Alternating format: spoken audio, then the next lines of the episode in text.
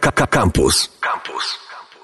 Dzień dobry, kochane słuchaczki i kochani słuchacze. Witam w audycji e, Albo Poczytam na antenie Radia Campus. Ja się nazywam Ania Karczewska, a moim gościem dzisiaj jest e, Łukasz Kozak, Dzień dobry. historyk, mediewista, wykładowca i autor książki Upiór, wydanej przez e, Viva L'Arte, e, Viva L'Arte,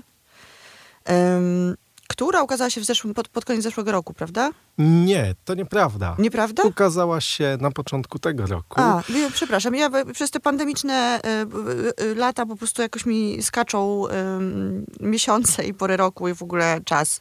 Ale to nic takiego. Co to nic takiego, ja to rozumiem, ponieważ ona miała wyjść tak naprawdę w zeszłym roku, ale A, nagle widzisz. okazało się, że Mickiewicz z grobu wychodził i musiałem dopisać e, trzy rozdziały tej książki, dlatego wyszła e, w, w styczniu i w ciągu dwóch dni zniknęła, a to, co teraz mamy, to jest, jeśli dobrze pamiętam, trzeci dodruk drugiego wydania, e, No więc właśnie, to jest jestem ogóle... zaskoczony. To jest w ogóle zupełnie niezwykłe, dlatego że, e, kochane słuchaczki, kochani słuchacze, książka Upiór jest książką e, naukową, e, historyczną, trochę antropologiczną, trochę o różnych rzeczach, jak każda dobra książka.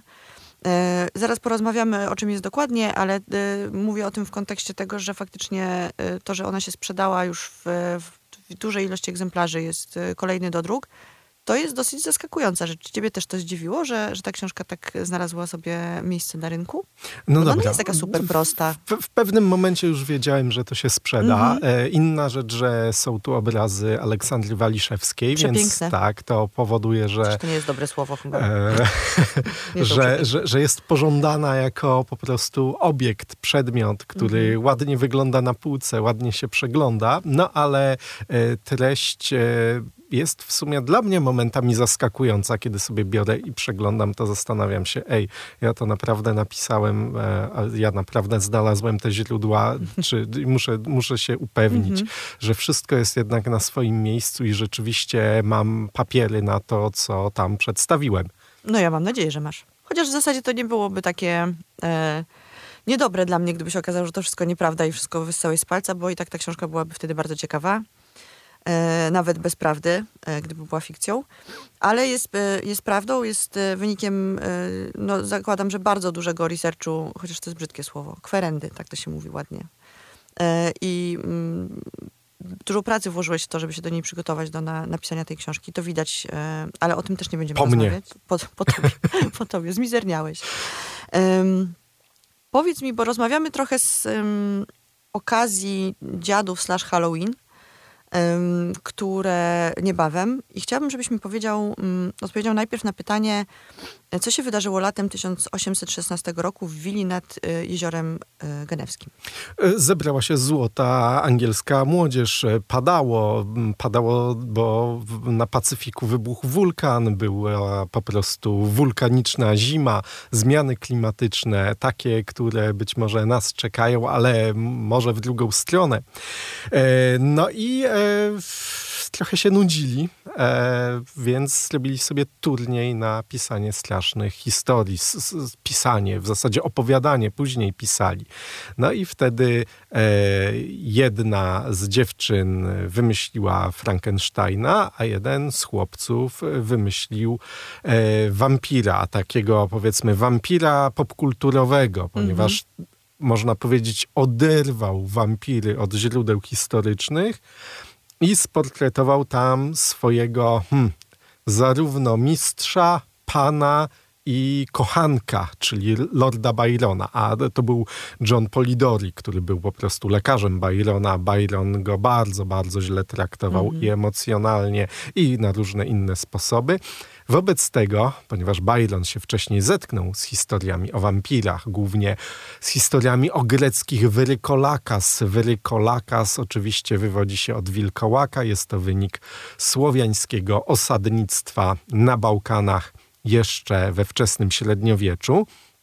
No i s- nasłuchał się o tych wyrykolakasach, później to sobie zestawił z historiami bałkańskimi o wampirach, opowiadał o wampirach Polidoriemu, no i Polidori stwierdził, no to ja teraz zemszczę się na tobie, napiszę o wampirze, złym wampirze, który oczywiście uwodzi e, kobiety, jest jakiś taki piękny, ale i zarazem i paskudny, wybucha szyderczym śmiechem, jest blady, jest arystokratą, no i po prostu zrobił karykaturę Byrona. I ta karykatura Byrona się mści na nas po dziś dzień. Te wszystkie wampiry, blade, arystokratyczne, w tych dziwnych takich płaszczach, kapach, e, surdutach, smokingach, to jest tak naprawdę ciągle kolejna inkarnacja Lorda Byrona. Czyli tak naprawdę jest to mm, efekt nieszczęśliwej miłości.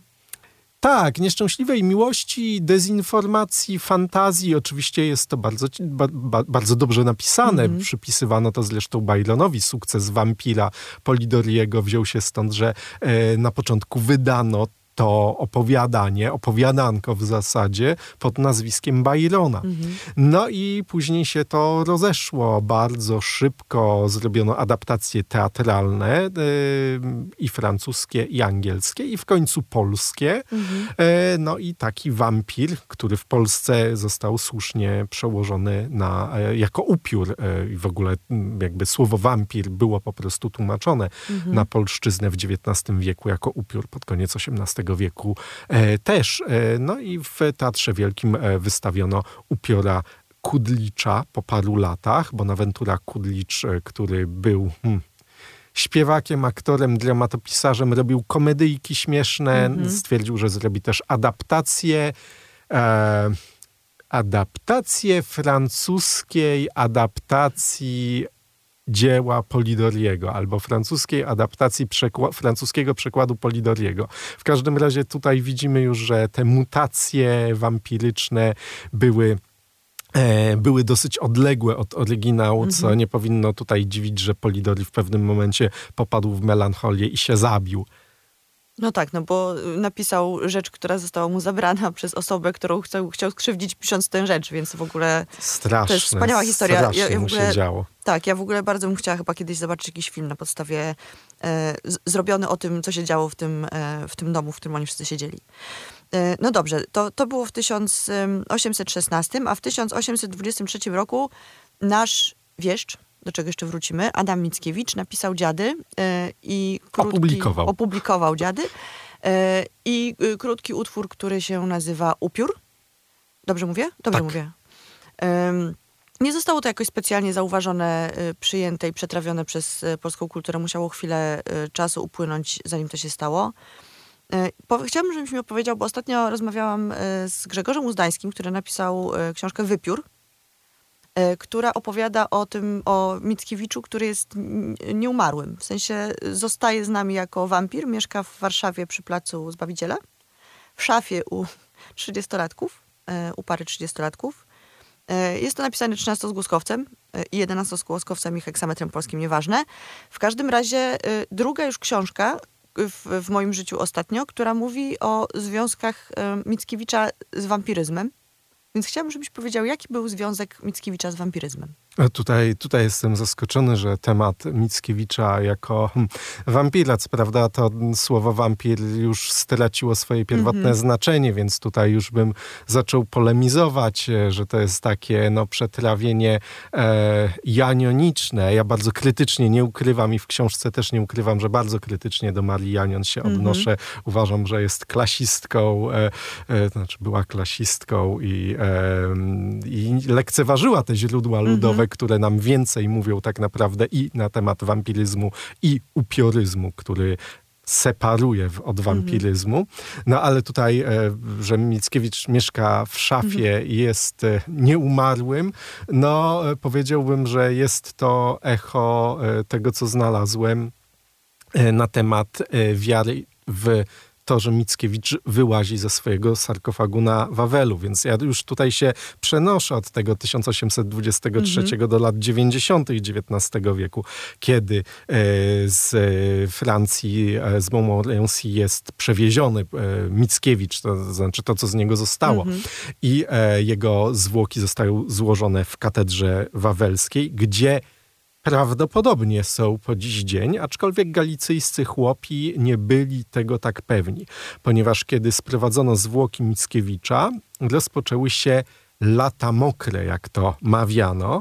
To znaczy ciągle padał deszcz, mhm. był nieurodzaj, wobec tego stwierdzono, że to jest wina Mickiewicza, który był planetnikiem, czyli człowiekiem, który potrafi kontrolować pogodę mhm. i e, po prostu Mickiewicz po swojej śmierci nadal kontroluje tę pogodę, a po to go sprowadzono do Polski, ponieważ Francuzi mieli go dosyć, ponieważ tam był non-stop nieurodzaj, tam padało. Wobec tego powiedzieli, weźcie go sobie, bo on jest wasz. No i e, ten, e, to, to, ta wiara, że Mickiewicz e, żyje po śmierci, jakoś działa, wychodzi z grobu, kontroluje pogodę, funkcjonowała naprawdę prawie że 10 lat, e, ponieważ na początku o tym pisze y, Franciszek Wójcik, późniejszy y, minister po mhm. odzyskaniu mhm. niepodległości, polityk PSL-u, który będąc tam dwudziestoparolatkiem pisze do chłopskich gazet, że należy tutaj Włościan edukować, że ten Mickiewicz to był poeta, a, a oni sobie przekształcili poeta na poetnik, planetnik, mhm. a może dlatego, że się mówi, że wieszcz, bo wieszcz, wieszczy, no to akurat odlegle, bo na Kaszubach wieszczy to jest mhm. określenie upiora, ale w Małopolsce Wieszczyca jeszcze funkcjonowała jako czarownica bądź mhm. upiorzyca. Więc te wszystkie jakby konotacje spowodowały, że Mickiewicza chłopi uznali za jakieś właśnie takie upioryczne, e, czy strzygoniowate, czy planetnicze zagrożenie. Później zanotował wypowiedź jednego, e, jednego gospodarza z Podtyńca, Seweryn Udziela, czyli taki czołowy etnograf mhm. E, krakowski małopolski, który zapisał napisał, że właśnie Marcin Widurak, członek Rady Gminnej w Tyńcu, mówi, że y, u nas są lata mokre, bo Mićkiewicza e, z Francji sprowadzono. Mhm.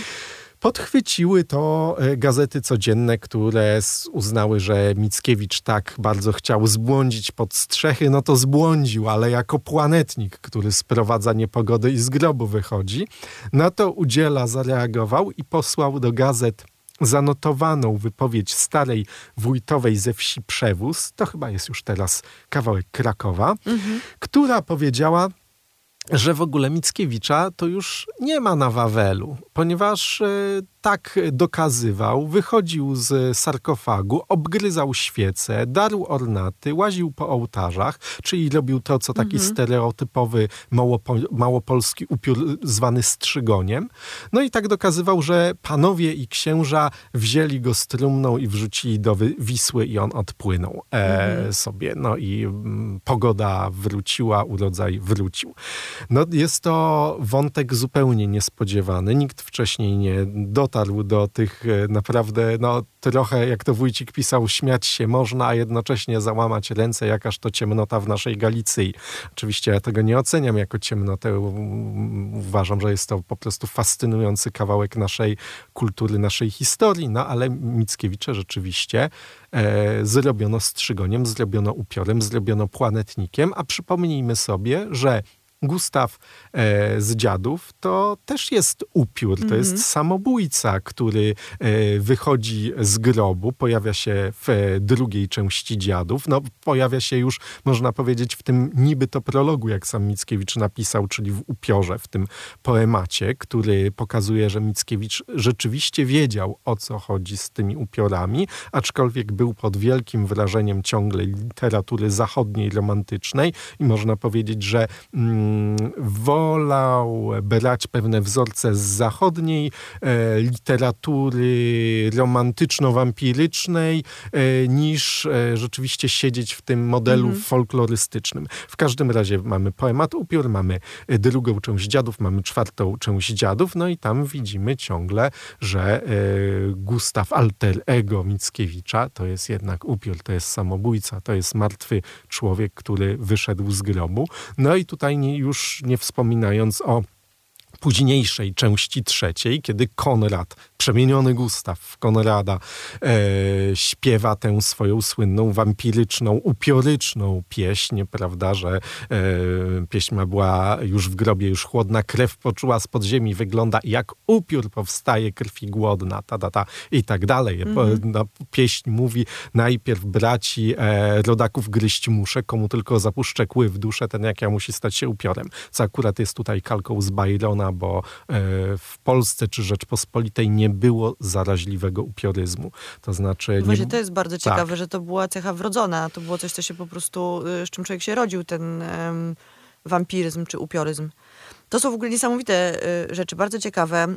Y, dla mnie absolutną nowością było to, że słowo wieszcz y, w ogóle nie, nie, jakby nie znaczyło zupełnie tego, co teraz nam się wydaje, czyli że Mickiewicz jest wielkim wieszczem polskim, bo był wielkim poetą i w ogóle jakby sam się obwieścił tym wielkim poetą i wieszczem.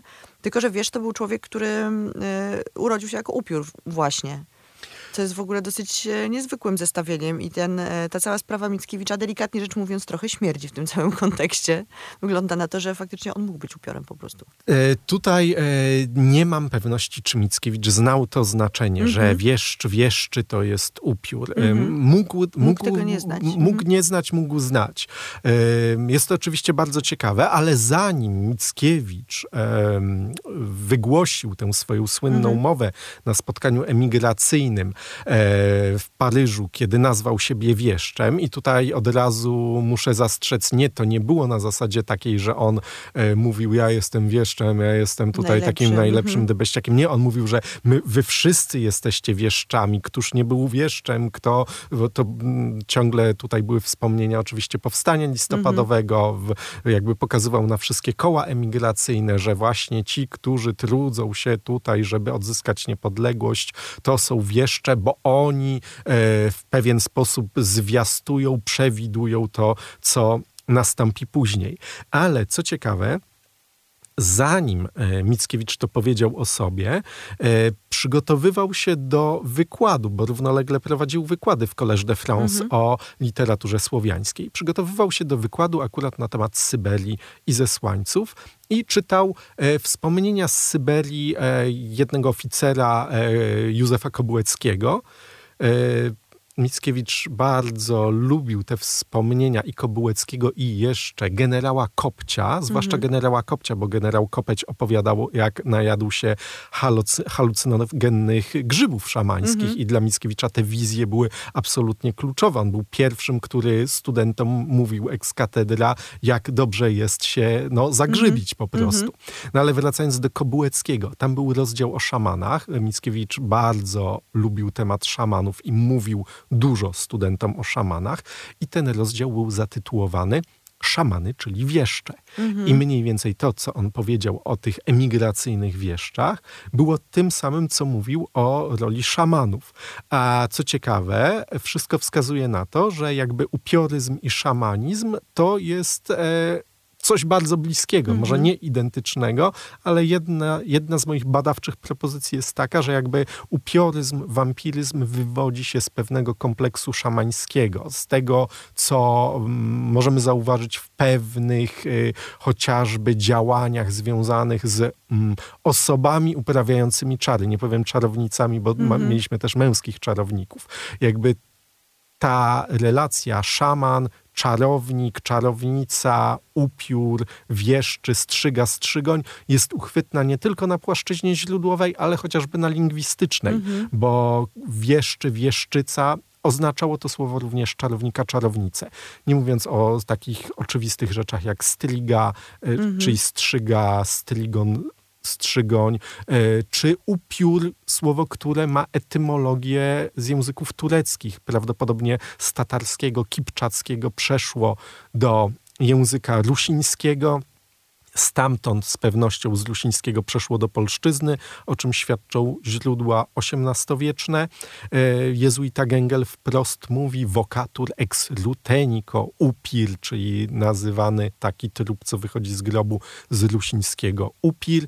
E, I e, mamy tutaj cały taki właśnie dziwny kompleks, że to wszystko jest albo słowiańskie, albo przychodzi z południa, mhm. albo przychodzi ze stepów, właśnie z tych wierzeń, jest związane z tymi wierzeniami animistycznymi. No to mhm. to ubyr stający się upiorem, no to jest rzeczywiście taki czarownik stepowy, który nagle staje się rusińskim, ukraińskim i polskim żywym trupem. Mhm.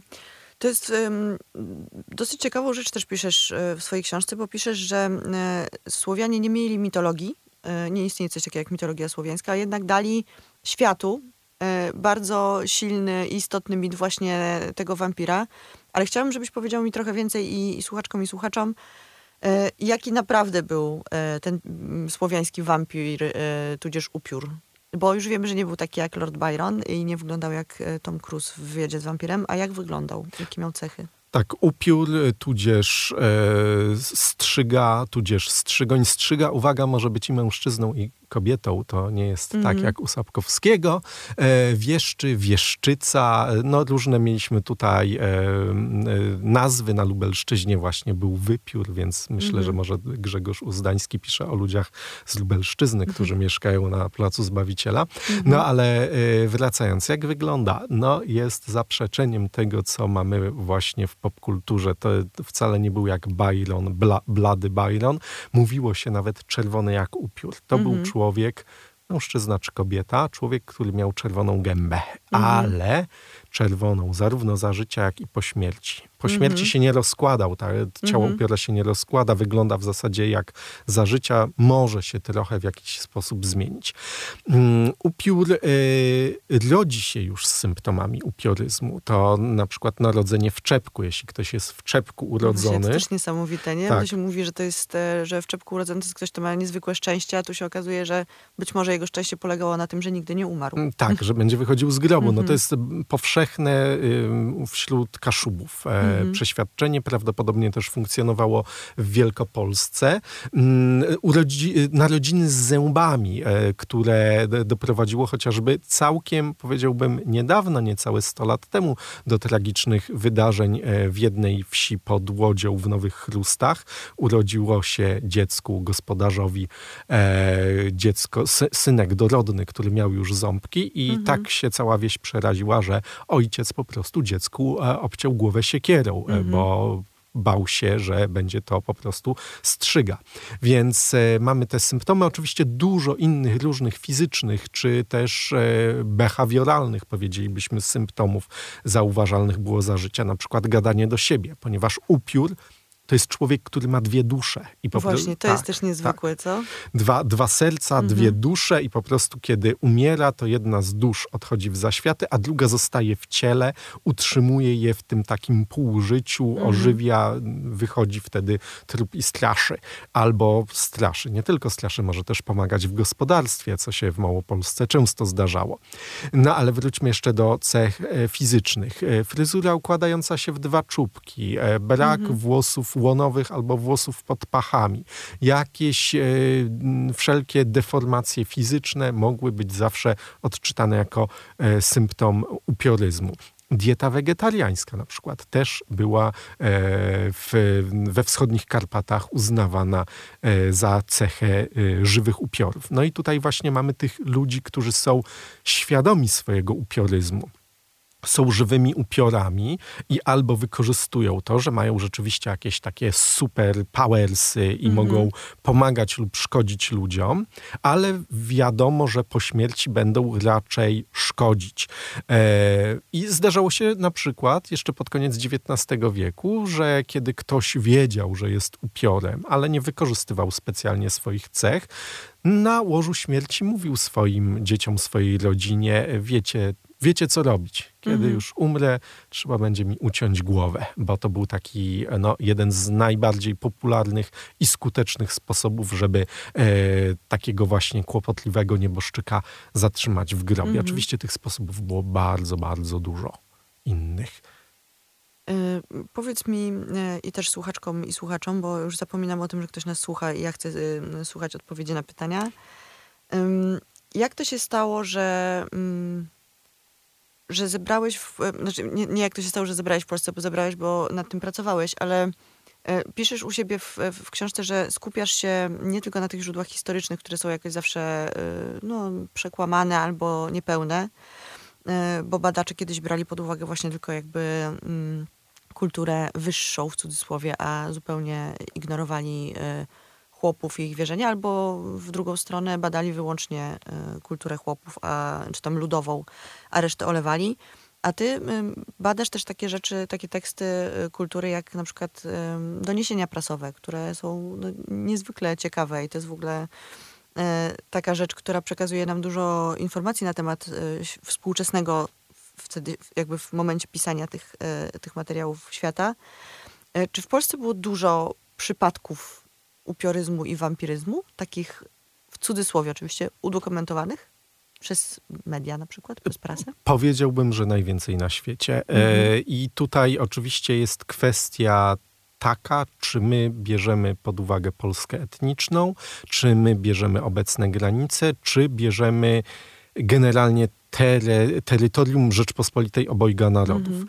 E, jest tak, że jakby połączyć siły z Ukrainą, e, no to na pewno byśmy wygrali tutaj, jeśli chodzi o natężenie upioryzmu, wampiryzmu, czy ogólnie wychodzących z grobu trupów. E, to, że to jest Rumunia, to jest wymysł mhm. literacki Brama Stokera to, że to są Bałkany, Serbia, to jest e, tak naprawdę kwestia kilku pojedynczych przypadków związanych z aktywnością habsburskiej administracji, która odnotowywała to. Oczywiście mhm. jest tak, że generalnie to funkcjonuje u Słowian, u wszystkich Słowian, ale też mamy przypadki mm, z, e, od, od ludów tureckich, tatarskich, z Syberii, ze Skandynawii, y, nawet średniowieczne przypadki angielskie. I to można powiedzieć, że upioryzm e, w jakiejś takiej pierwotnej wersji generalnie dotyczy tych rejonów, gdzie jest jakaś forma właśnie animizmu, szamanizmu, jakichś -hmm. takich archaicznych, ekstatycznych technik, e, czarów, które są jakby różne od magii uczonej.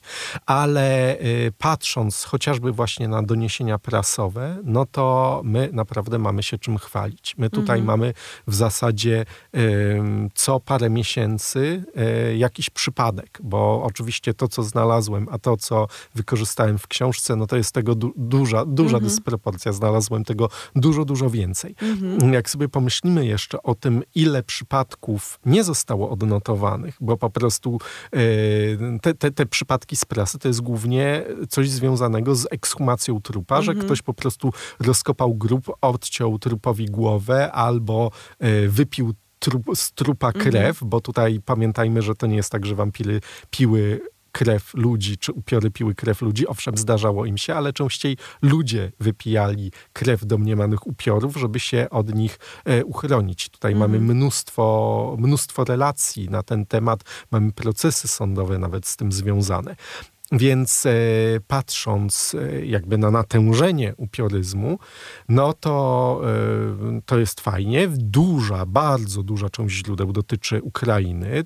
W Ukrainie to nawet przysłowiowo mówia, mhm. mawiano, że upiory ukraińskie, upiory z Ukrainy, w Ukrainie się widuje upiory, ale jeszcze Kaszuby. No i tutaj jakby Kaszubi też mają swoich wieszczych, swoich łopich, e, w których wiara trwała jeszcze do końca XX wieku. E, była też mocna wśród emigrantów kaszubskich w Kanadzie i to jest też kolejny taki fascynujący, e, fascynujący wątek, że w Kanadzie wręcz wybuchł skandal, ponieważ e, w latach 70. zaczęto pisać o kaszubskich wsiach w Ontario, że tam po prostu żyją wampiry. E, dziennikarze przyjeżdżali, nękali tych e, kaszubów mieszkających tam. Proponowano, żeby zrobili jakieś parki rozrywki wampiryczne. Na kaszubi trochę nie wiedzieli o co chodzi i w końcu się obrazili na tych wszystkich dziennikarzy, którzy w ten sposób bardzo brzydki ich potraktowali. Mhm. Y, zastanawiam się, y, oczywiście powstało na ten temat już mnóstwo różnych teorii i różnych prac. Co jest takiego fascynującego w, w tych nieumarłych? Tu już chyba bardziej bym porozmawiała w kontekście tego y, Byronowskiego wampira, czy Byronowskiej wersji wampira, czyli tego, który atakuje nas teraz z popkultury, tak? Te wszystkie sagi, zmierzch, dramatyczne zresztą i filmy, które e, cały czas lubimy oglądać i oglądamy i one cały czas powstają. Co jest takiego fascynującego w tych wampirach, e, że ludzie tak strasznie jakoś je ukochali? Dla mnie nic, ja tego nie rozumiem. Mhm. Jest to nudne, sztampowe, seksualizowane, w ogóle jakieś takie. Ua, właśnie to jest. Wystarczy wziąć e, wa wampira Marii Janion, którego nie wiem, wszyscy Mhm. lubią, a jest to straszna książka, zła książka.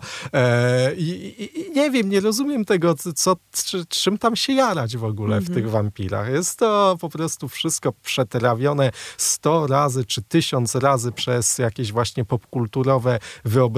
Już te wampiry się mutują na przeróżne nowe sposoby. Wymyśla się cokolwiek jakiegoś nowego, oryginalnego, nie wiem, te trublady, wszystkie te seriale, no błagam, dajcie spokój. Za to, co jest fascynujące w upiorach, to mógłbym ci powiedzieć, fascynujące jest to, że to byli ludzie.